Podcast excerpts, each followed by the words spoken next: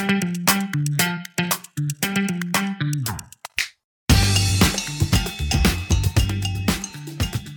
Bottle Podcast is een podcast gemaakt door De Schakel, een groepspraktijk met een focus op gelukkig zijn. Vandaag is Anouk Meijer te gast. Anouk is een serieel onderneemster, marketing-expert, coach, podcastmaakster en zoveel meer. Maar ooit was ze een veelbelovend business lawyer, van een carrière switch gesproken. Maar eerst, wie is Anouk Meijer nu echt?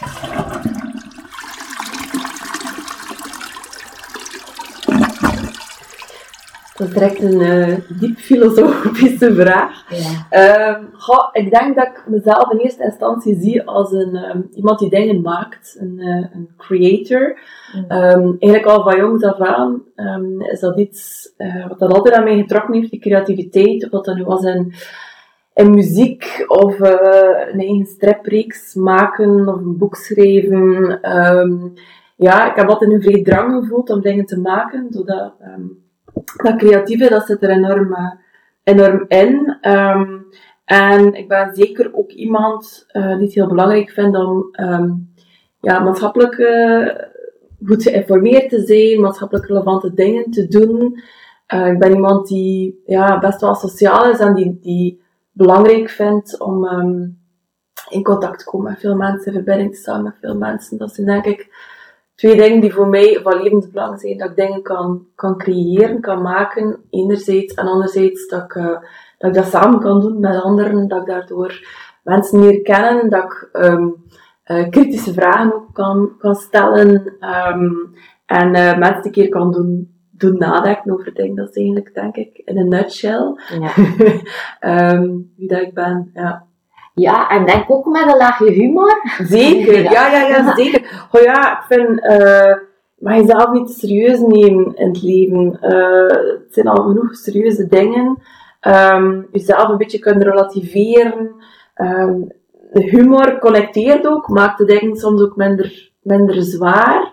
Um, dus ja, dat, dat is zeker een belangrijk element. Ja. Mm -hmm.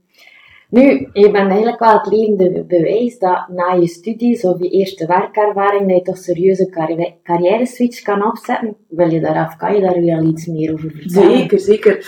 Ja, ik kom natuurlijk uit een heel andere context. Um, als we spreken over serieus, uh, ik kom uit, um, uit de advocatuur. Um, de internationale business uh, uh, advocatuur. Ik was um, aan het werk, aan de slag in, uh, een groot Amerikaans kantoor. Um, het kantoor waar dat, Michelle en Barack Obama elkaar leren kennen hadden. Ze hadden ook een afdeling in Brussel. En daar was ik um, business lawyer. Ik deed Europees recht um, in het hart van de Europese week. Vond dat fantastisch. Um, heel veel heel internationale context mm. ook. Alleen, ik heb dat, ja, denk zeven jaar gedaan was het zo, ik werd dan op een gegeven moment werd ik zwanger van ons eerste uh, kind. En dat was gewoon een job die extreem veel eisend was. Um, naar uren toe, naar beschikbaarheid toe. Um, heel weinig ruimte voor um, ja, iets naast uw, uw werk. En hoe graag dat die job ook deed uh, op dat moment, ik voelde wel van oké, okay, something's gotta give. We gaan hier toch kijken hoe we dat gaan aanpakken of opvangen, want um, dat is precies toch moeilijk te rijmen met een, met een gezinsleven, toch op de manier waarop dat ik het zag. En je kunt natuurlijk altijd, um, ja, veel altijd oplossingen naar kinderopvang toe en zo, maar ik wou wel heel graag ook aanwezig zijn uh, voor mijn kinderen en, uh, en het gevoel geven dat, een, uh, dat ze mama hadden die wel professionele belangrijk vond, maar die hen uiteraard ook mensen even belangrijk vindt. En dat, dat, dat was, was een hele moeilijke, hele moeilijke puzzel. Um, op, eigenlijk heeft hij zichzelf een beetje opgelost doordat um, mijn echtgenoot toen um, een job aanvaard heeft in het, uh, in het Far West. Dus het was sowieso geen optie om te pendelen, om dan nog een keer te pendelen ook. van, uh, van Yper naar, naar Brussel. Um, en zo is mijn zoektocht naar een carrière switch eigenlijk begonnen. Um, ik ben dan even aan de balie geweest in Kortrijk, maar dat was, dat was echt een, een mismatch, vooral qua context. Ik kwam zo uit, dat, um, ja, uit die internationale context, die cultuur. En ja, in Kortrijk was dat, vond ik het moeilijker om, om te aarden, omdat dat een veel klassiekere ehm, gegeven was. En dan ben ik echt beginnen nadenken van, oké, wat, kan ik doen? Er waren niet zo heel veel, ehm, niet zo heel veel opties in, West-Vlaanderen ehm, qua, qua type job van waaruit dat kwam. Dus ik had echt zo het idee, ik ga mezelf een beetje moeten heruitvinden. Ik ga iets anders moeten erop vinden als de jobs die er zijn eigenlijk niet zo goed bij mij passen. Dan ga ik er zelf een moeten maken. Ja, dat was eigenlijk de conclusie waartoe dat ik uh, kwam.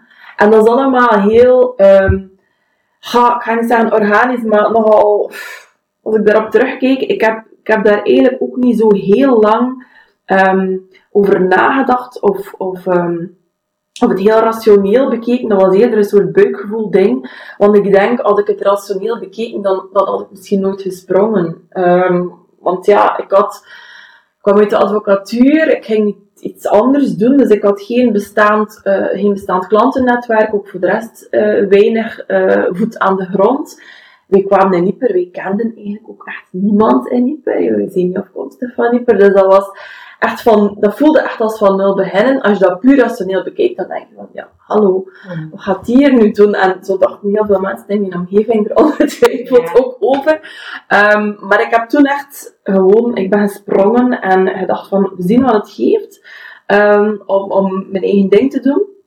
En ik kan nog altijd, als het toch niet blijkt uh, te zijn wat ik ervan verwacht, kan nog altijd uh, mijn zoektocht verder zetten naar een andere naar een andere job. Dus door dat met een soort lichtheid te benaderen en daar geen zo'n mega big deal van te maken, is die overgang vrij vlot kunnen verlopen. Ja. En heeft het je dan inderdaad wel kunnen steunen van, we zien wel waar dat uitkomt. Ja. ja, en dat is ook hoe dat ik nog altijd in het ondernemerschap nu sta. Um, het is een speeltuin, het is het is een laboratorium. Je kunt van alles proberen en ga regelmatig hier op je bek gaan ook. Dat hoort erbij. Uh, niet alle ideeën die je hebt, waar je zelf super uh, excited over bent, gaan even hard um, aanslaan. Um, maar goed, je, je hebt wel die vrijheid en die mogelijkheden om, om, om te gaan zoeken. En ik heb dat ook effectief gedaan, want ik ben begonnen als als freelance uh, copywriter en dan van daaruit gevoeld van oké, waar wil ik meer van, waar, waar wil ik minder van, wat mis ik nog in mijn job, of vind ik leuk, um, hoe kan ik het beter combineerbaar maken met uh, mijn privéleven. Um, en zo, ja, dat is echt jobcrafting, jobdesign. Um, beetje bij beetje sleutelen en altijd maar dichter komen bij wat je eigenlijk echt wil doen en hoe je het wilt organiseren. Ja. -hmm. En heb je daar laten doorbij staan? Of zeg je van, ik heb het eigenlijk wel zelf uh, aldoende... Ja, vooral aldoende, maar ik heb zeker um, op verschillende punten mij laten, mij laten coachen. Um, onder andere, uh, ik, ik kwam zo'n beetje vast, het eerste moment dat je ondernemer wordt, ja, je, je hebt daar zo'n beeld van, um, dat vooral gedomineerd wordt door, ja, je hebt een idee van hoe, hoe dat je denkt dat een ondernemer moet zijn. Zeker een West-Vlaamse, hardwerkende uh, ondernemer. We hebben daar allemaal een beeld bij van het, het moet zo en het zal wel zo gaan. En, en dat, is redelijk, dat is een redelijk eng beeld. En dan voel je dus, ik dat je start van ja, ik, ik, goh, ik pas daar toch precies niet zo goed in. En een van de dingen waar ik natuurlijk snel op botste was um, het feit dat ik veel interesses heb. Dat, dat ik eigenlijk het, het, klassieke advies is, je moet je focussen op één iets. En ik had zoiets van, ja, zo saai. ik heb veel meer nodig om zelf um, geboeid te blijven door mijn job. En dan uh, heb ik mij bijvoorbeeld laten coachen bij Sylvia de Rom rond het gegeven van uh, creatieve generalist. Ja. Um, van, ja, wie zegt er dat eigenlijk, dat je moet focussen? En, waarom zou je niet kunnen meerdere interesses naast elkaar uh, verenigen, ofwel in één onderneming, ofwel in meerdere ondernemingen. Um, en zo ging die bal iedere keer aan het rollen. En ik heb al op verschillende punten, ik heb heel veel zelf gezocht natuurlijk, maar op verschillende punten dat ik echt zoiets had van, ah, ik zit hier precies vast op een vraag, of op, iets dat ik niet goed weg mee kan, heb ik me wel laten coachen. En dat, dat heeft mij enorm geholpen natuurlijk, om, um, om stappen te, te zetten. Ja. Het helpt ook wel, dat moet ik er zeker ook wel bij zijn, ik had een... Uh, heb, beter gezegd, een partner die daar ook zeer um, ondersteunend in is geweest. En die zei van, hier jong, go for it. Ehm, als je denkt dat dit is wat je moet doen en hoe je het aanvoelt, probeer maar, ga maar. En, en ja, dat maakt een, een hemelsbreed verschil als je um, gesteund voelt door je directe omgeving. Um, om te experimenteren, om dingen te proberen. Ja, dat, dat maakt een hemelsbreed verschil. Ja. Ik voel ook, uh, zoals ik uh, wat aan het zoeken was, van, dat je vooral ook uh, extra de vrouwen wil empoweren. Zeker. Van waar komt die drive? Van waar komt dat? Ja, ik, ik, ga, ik heb um, als ik uh, studeerde, ik heb eerst um, uh, politieke wetenschappen gestudeerd en um, ik heb toen een thesis gemaakt over um, gender en peacebuilding in het voormalige Joegoslavië. En uh, mijn promotor, dat was toen Kathleen Malvliet, zij is later voorzitter ook geweest van de Vrouwenraad. Enfin, zij werkt ook heel erg rond die thema's van feminisme, gender stereotypes, al die dingen. En zij zei mij toen, ik ga dat nooit vergeten, zegt ze, ja, en zij er nu aan iets begonnen, dat gaat u van de rest van uw leven niet meer loslaten. En dat is dus effectief zo ja. gebleken. Dat is altijd een, een thema um, geweest. Ik heb natuurlijk altijd heel sterk um, rechtvaardigheidsgevoel gehad. Dat is ook hoe dat ik in de advocatuur terechtgekomen ben. En, um, en die sociale uh, betrokkenheid en bewogenheid, ik heb dat altijd gehad. En ik heb daar gewoon een, een, een soort, um, ja, ik weet niet, aangeboren um, rebellie tegen of zo. Ik kan, ik kan, ik kan niet tegen onrecht. Ja. En um, we zijn 2023, je zou denken dat we ondertussen in een maatschappij leven waarin dat er hey, volop ingezet wordt op uh, gender equality en gelijkwaardigheid, gelijke rechten enzovoort. Maar er is nog zoveel um, ongelijkheid. Um, ja, ik kan gewoon niet anders dan daar, uh, dan daar nog altijd heel erg mee, mee bezig zijn. Omdat het, het is overal. Mm-hmm. Ik, elke keer dat je die, um, keer dat je dat zesde zintuig geactiveerd hebt, dan kun je ook niet anders dan het niet zien, volgens mij. Ja. Nee, maar ik vind het ook wel mooi, want ik denk inderdaad, en zeker als je zegt de, de Far West en de Westhoek, mm -hmm. eh, dat de, de vrouwen en ondernemerschap, of gewoon de vrouw te koer, wel wat nog wat echt eh, extra power kan gebruiken. Absoluut, ja, dat is zo. Um, uh, in het ondernemerschap um, worden we nogal snel in zo die typische mannelijke mal geduwd van uh, meer en, en beter en rapper en, en hey, hoe meer uren dat klopt, hoe beter en, enzovoort en zo verder. En ja, het is niet de enige manier om aan, om aan ondernemen te doen. Um, en uh, ja, het is, het, echt iets wat dan nog heel erg, waar er nog heel veel stappen te, te zetten zijn. Gewoon niet alleen voor ondernemers, maar ook uh, op de arbeidsmarkt toekoer, in het onderwijs, uh, overal waar dat je, waar dat je kijkt. Dus ik iets, als ik kijk naar mijn kinderen, waar dat ik ook echt aandacht voor probeer te hebben. Um, maar dat is niet zo gemakkelijk, want ja, die, die denkbeelden over hoe dat wij nadenken over man en vrouw, dat is enorm vastgeroest mm -hmm. nog altijd. Ja. Ja, het, het, zal nog eventjes... Ja, ja, ja er is nog werk aan de winkel. Ja, ja. absoluut.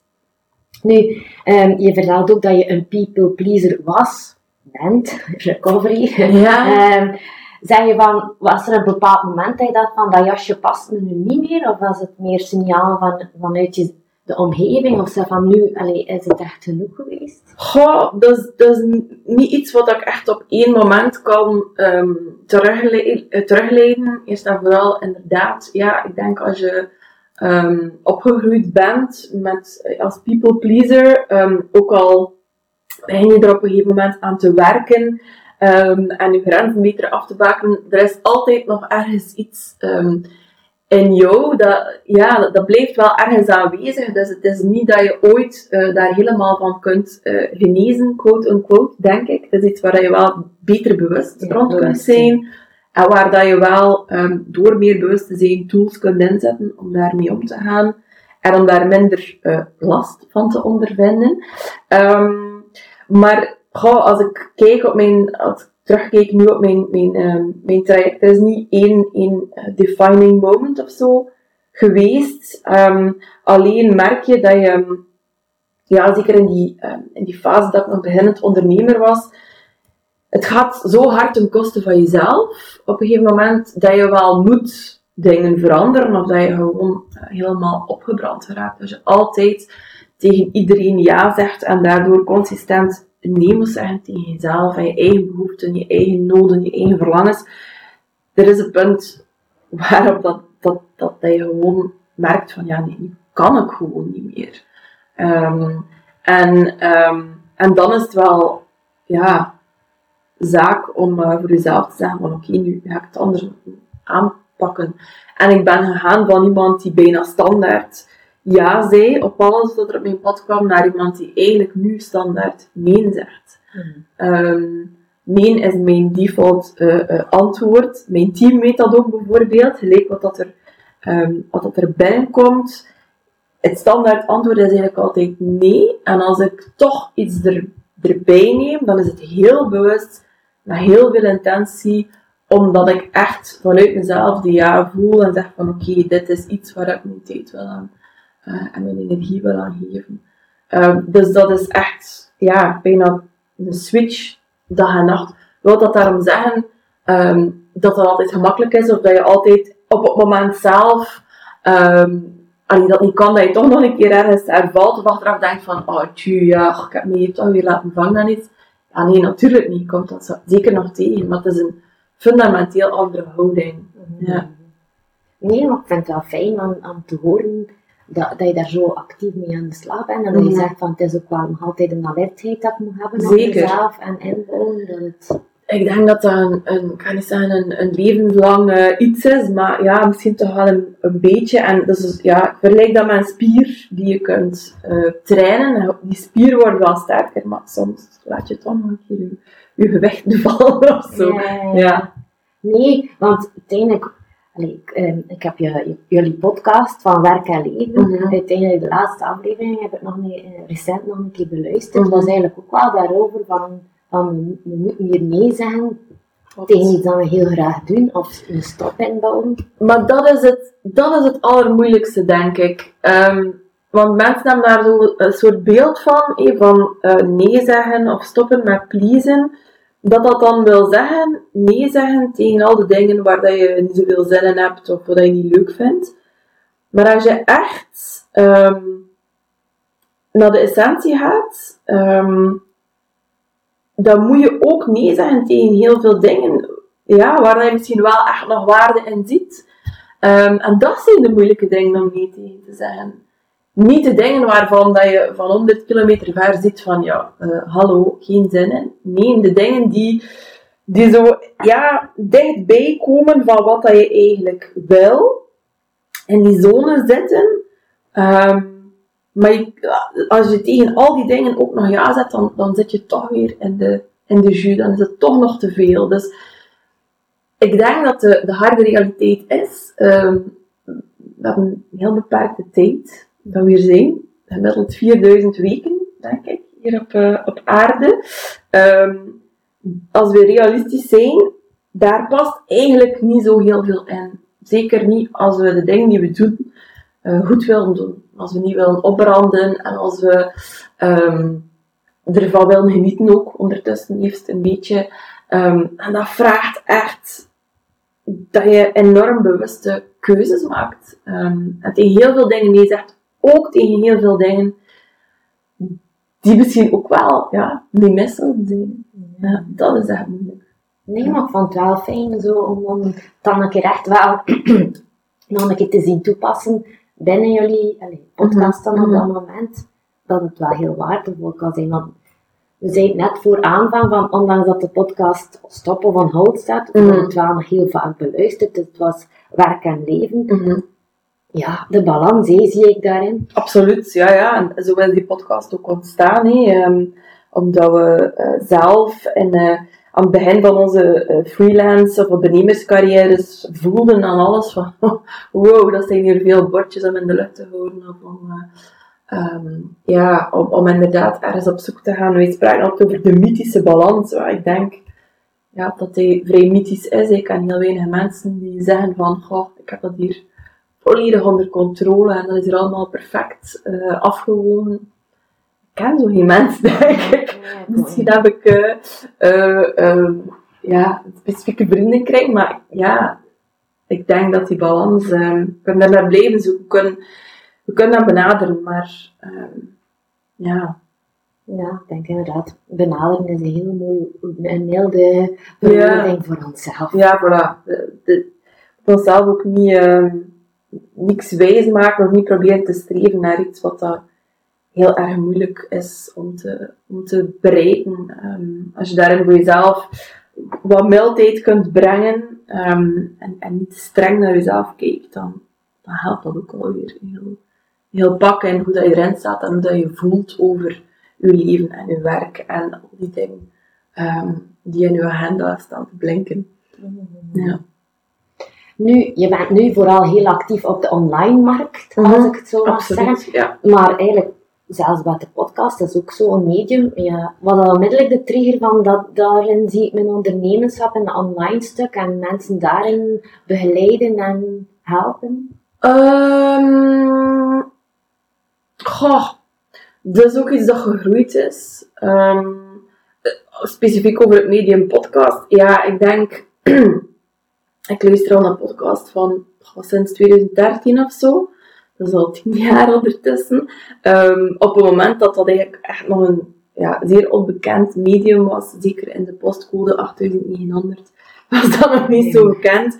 Um, en ik vond dat direct een heel fascinerend medium, omdat je ja, als iemand wordt praten, een stem, dat is zoiets intiem, dat is zoiets persoonlijk. Um, ik vond dat heel, heel boeiend en ik had direct zoiets van, ik wil dat ook. Um, maar goed, ja, toen zat ik nog volop in die fase met kinderen en de pampers enzovoort enzovoort, dus dat was moeilijk te realiseren. Ik zou er ook niet zitten om dat alleen te doen. Ik heb dan drie jaar aan, aan Kelly haar gezegd, van, oh, zij luisterde dat ook, was een van de weinige mensen dat kende die daar naar luisterde oh, we kunnen dat toch ook? En dan denk ik dat ze me gezegd gewoon op een gegeven moment beu was. En zei whatever, we gaan dat wel een keer doen of zo. Um, en zo is die bal aan het rollen gegaan. En keek zoveel jaar later, en zoveel podcasts later, um, is dat nog altijd ja, mijn geprefereerde medium. Ik vind dat zo plezant, ik vind dat zo... Ja, je kunt daar echt je dingen doen, die creativiteit, dat, dat, dat kan ik daar helemaal in kwijt. En vind het zalig om te horen ook van luisteraars van ja, we zetten nu podcast op de auto en het is precies dat iemand naast ons zit mm. en tegen ons babbelt en dat vind ik ja, een, uniek, een unieke manier om, om uh, mensen te bereiken en om een relatie op te bouwen met, um, met mensen die, die luisteren. Um, dus dat, dat podcastverhaal, ja, ik denk dat dat alleen nog, wat mij betreft, um, ik heb daar nog veel plannen rond, dus dat, ja, dat is voor mij een heel leuke manier om, om te, te werken. als, je, als je daarmee kunt bezig zijn als, als job, ja, dat vind ik zalig. Ja. maar ik zag het ook, je helpt daar ook wel mensen in, hè? Of je helpt ja, ja, wel. Um, het is een heel laagdrempelige manier om, um, om aan mensen iets te, te vertellen, om ze dingen bij te leren. Um, maar ook om, om aan het gevoel te geven van, je staat er niet alleen voor. ik heb een ik heb twee actieve podcasts op dit moment. De Ampersand Rebel Rant, waarin ik vooral uh, meer richt op ondernemers, ondernemende vrouwen. Um, en dan heb ik mijn uh, Unplugged. En dat is een, een uh, podcast die ik echt gewoon opneem met mijn iPhone op de bots doorheen mijn dag. Als ik aan het wandelen ben met mijn hond of, of wat dan ook. Waarin dat ik heel um, uh, rauw en onversneden vertel van ja, wat gebeurt er nu eigenlijk allemaal achter de schermen van mijn bedrijf en van mijn leven. En dat, dat zijn vaak heel, um, heel kwetsbare um, uh, afleveringen, uh, soms ook zotte afleveringen, daar zit van alles en dat is een beetje het leven zoals het is.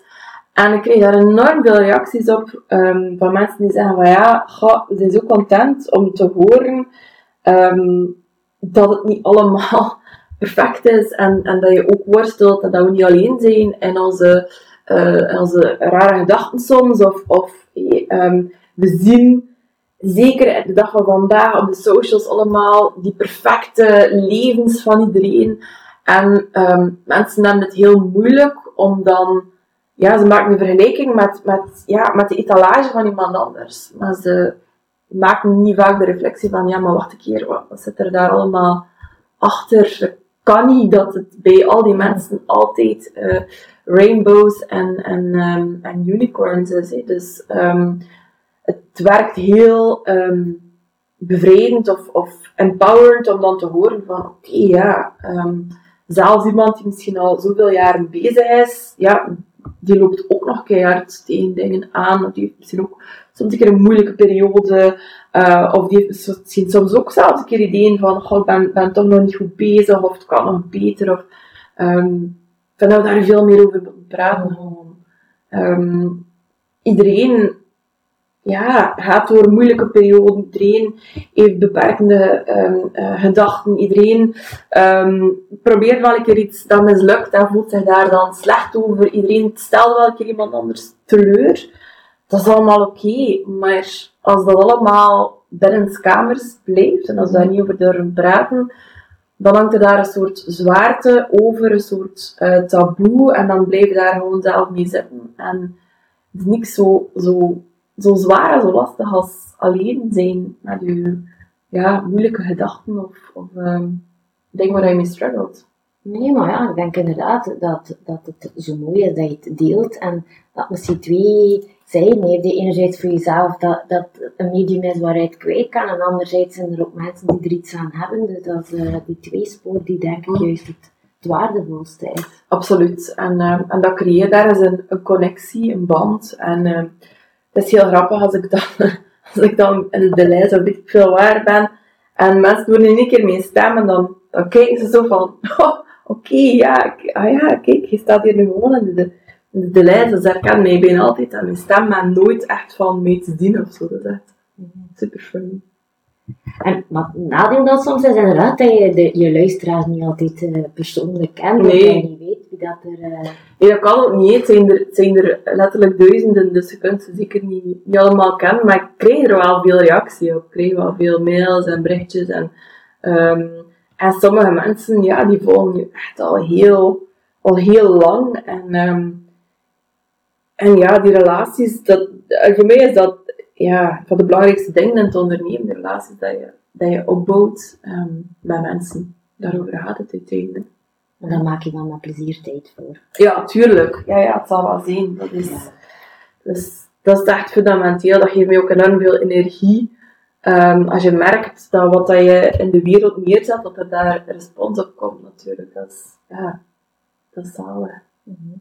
Zijn er zo mythes, want we, hebben het inderdaad over werk, uh, werk-leven balans en mm -hmm. zo. Dat je zegt van dat ze nog wel een keer willen benaderen aan de luisteraars hier. Van dat is een mythe dat ik wel als ondernemer ook wel een keer uit de, de lucht wil halen. Goh, ja, waar te beginnen?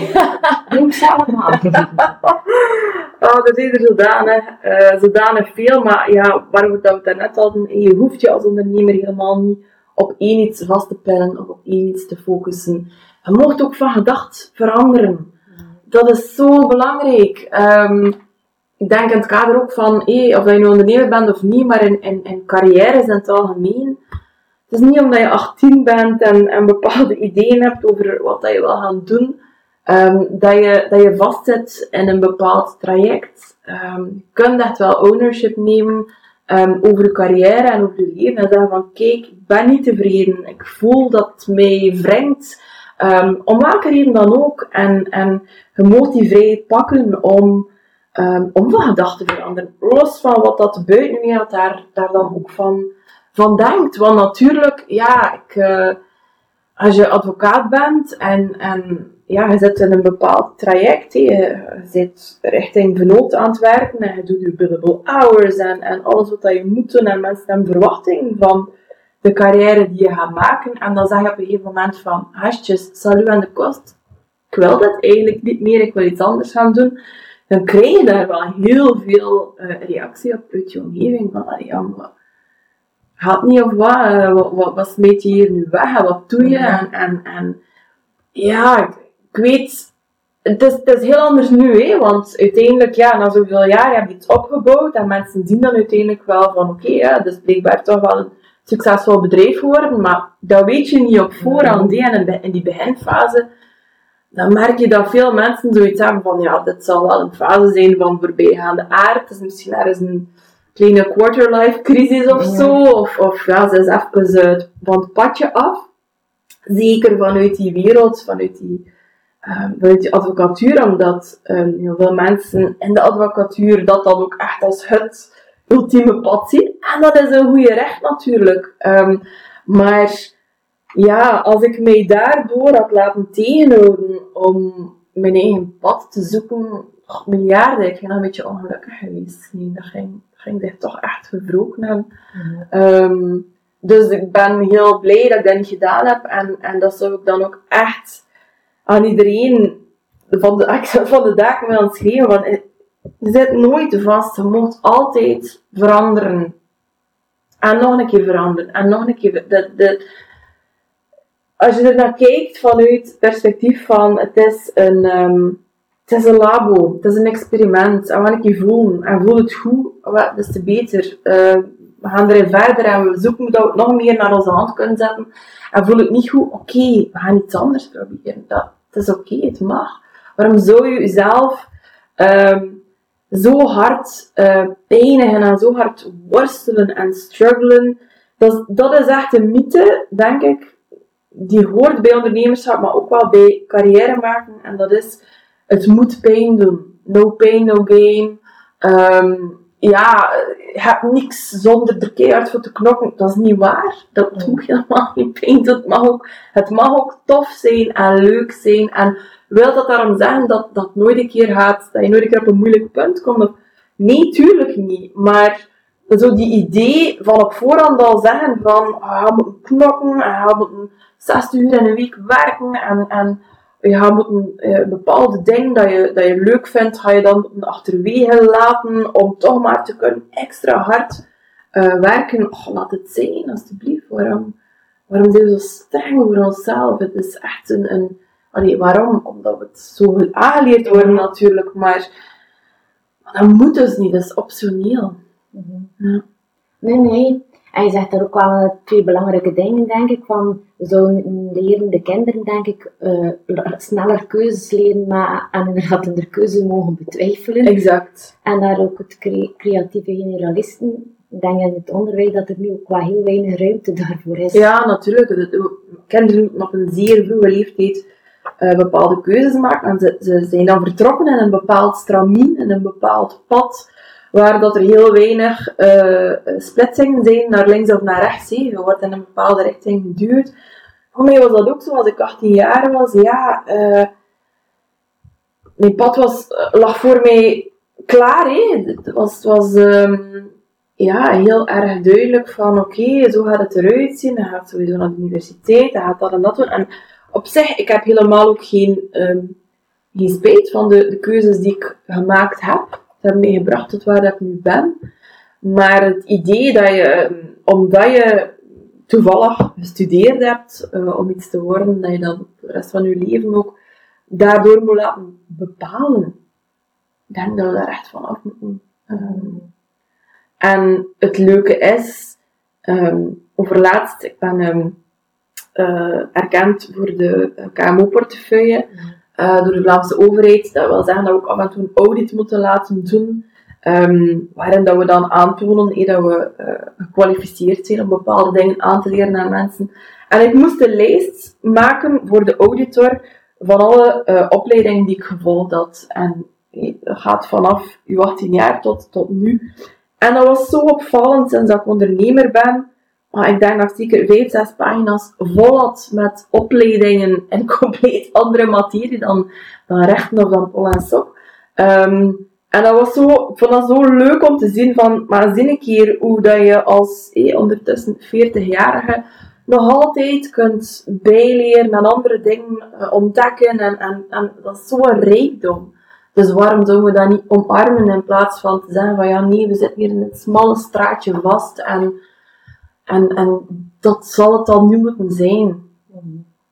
Nee, nee, ik volg je volledig hoor. Het is, het is mhm. dat, dat mij soms ook wel beangstigt, dat mij inderdaad dat heel veel mensen met die gedachten rondlopen en misschien ook wel heel erg ongelukkig zijn, omdat ze juist niet iemand tegengekomen of omringd worden van het is oké om, te zeggen dat, dat een andere weg ook goed is. Een directe omgeving is belangrijk. Um, professionele hulp, eh, coaches, therapeuten, psychologen en zo verder.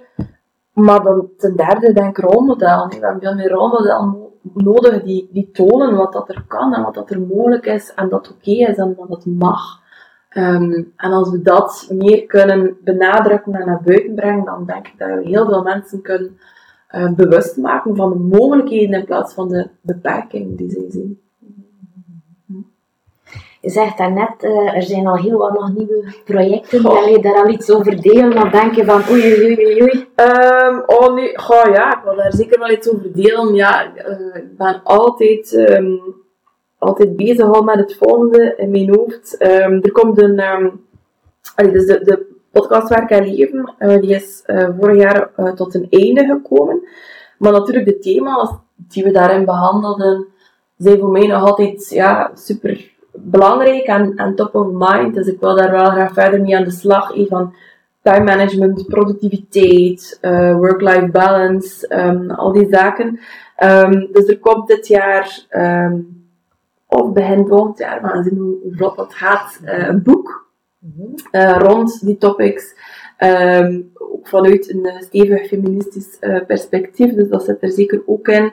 Um, er komt een, um, een nieuw uh, traject, een nieuwe online cursus uh, als opvolger van uh, en tijdsbaas in het najaar. Um, dus dat zijn allee, twee grote, grote projecten waar ik op dit moment volop in de voorbereidingsfase zit. maar die er, die er zitten aan te komen waar ik heel excited over ben. Dus ja. Oké, okay, tof. Ik kijk er ook allemaal naar en ik denk een aantal luisteraars zeker ook als het zo Ja, dus dat is, we gaan dat al een klein, klein beetje teasen hier en daar, een blik achter de schermen. Ja. ja, ja tof, tof.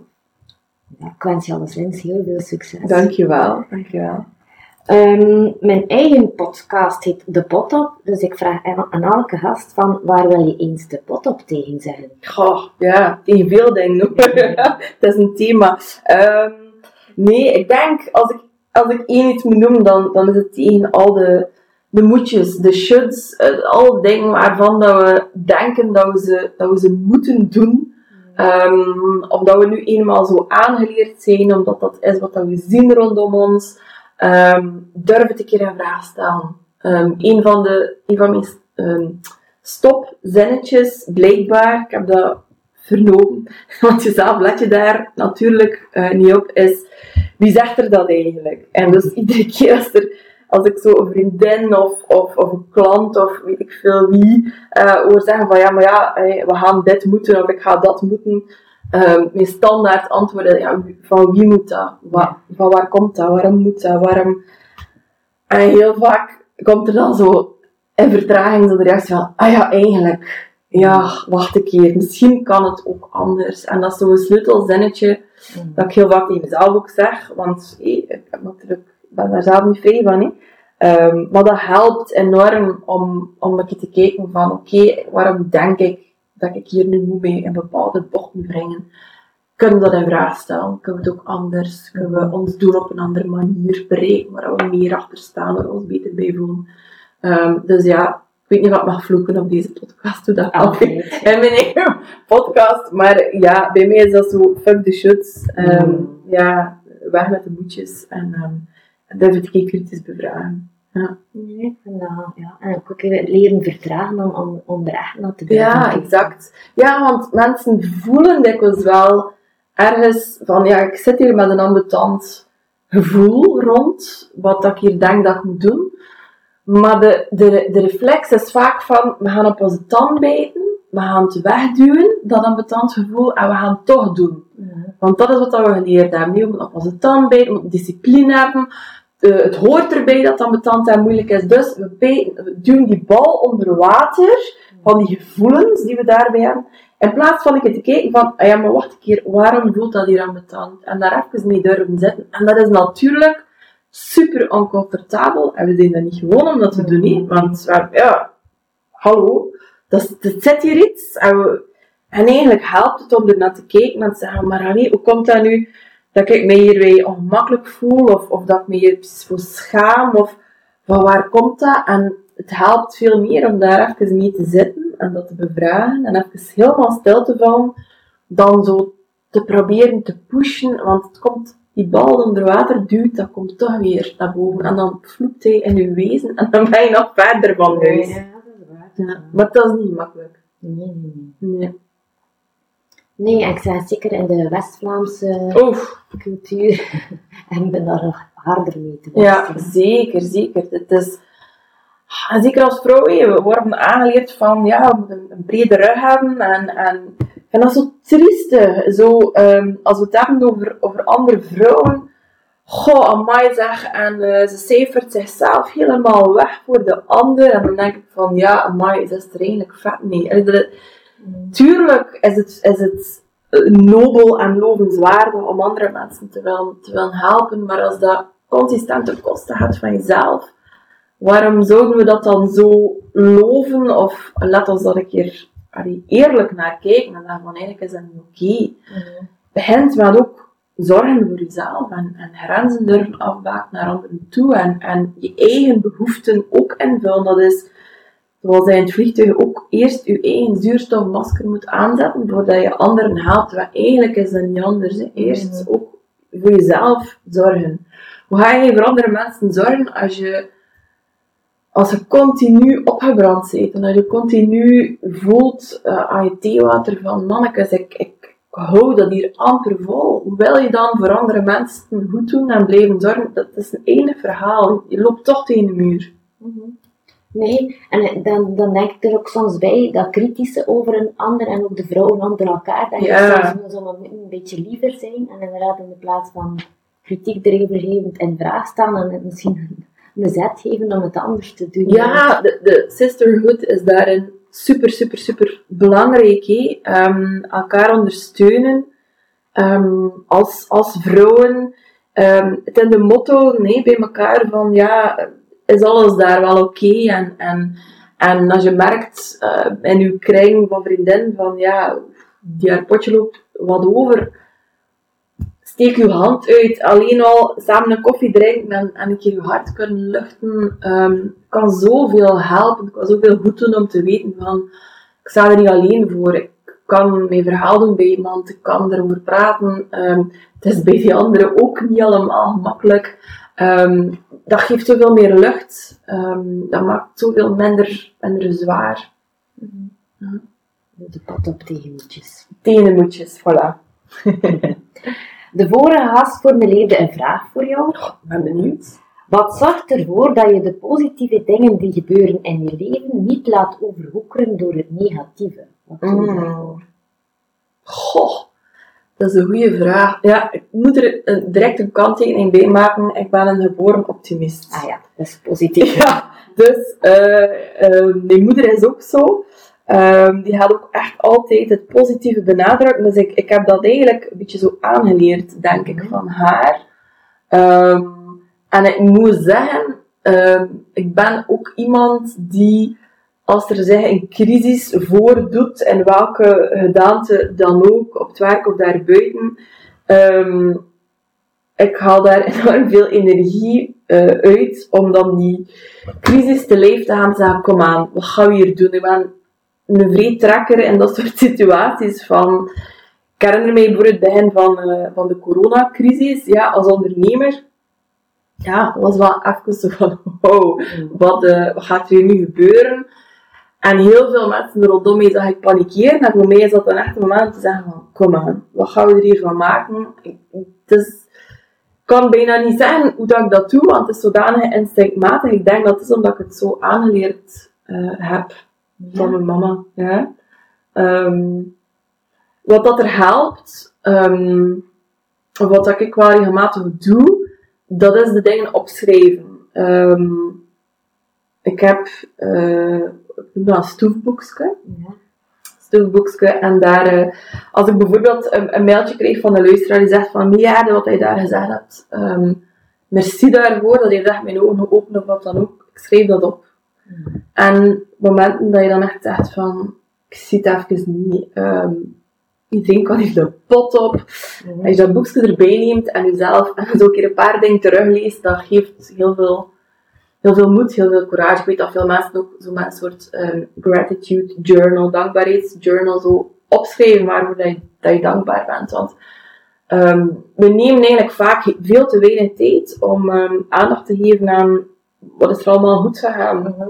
Onder vrouwelijke ondernemers, ik zeg heel vaak tegen mijn klanten ook van, eh, vier je successen. Hoe, hoe klein ook, ehm, stopt even in uw, in uw drukke dag om een momentje te nemen, al is dat maar 10 minuten, eh, om je op je terras te zetten in het zonnetje en even het moment te markeren van, damn, ik ben dankbaar en ik ben super trots op mezelf dat ik dat hier nu gedaan heb. Al is dat maar iets kleins, als je daar een gewoonte van maakt.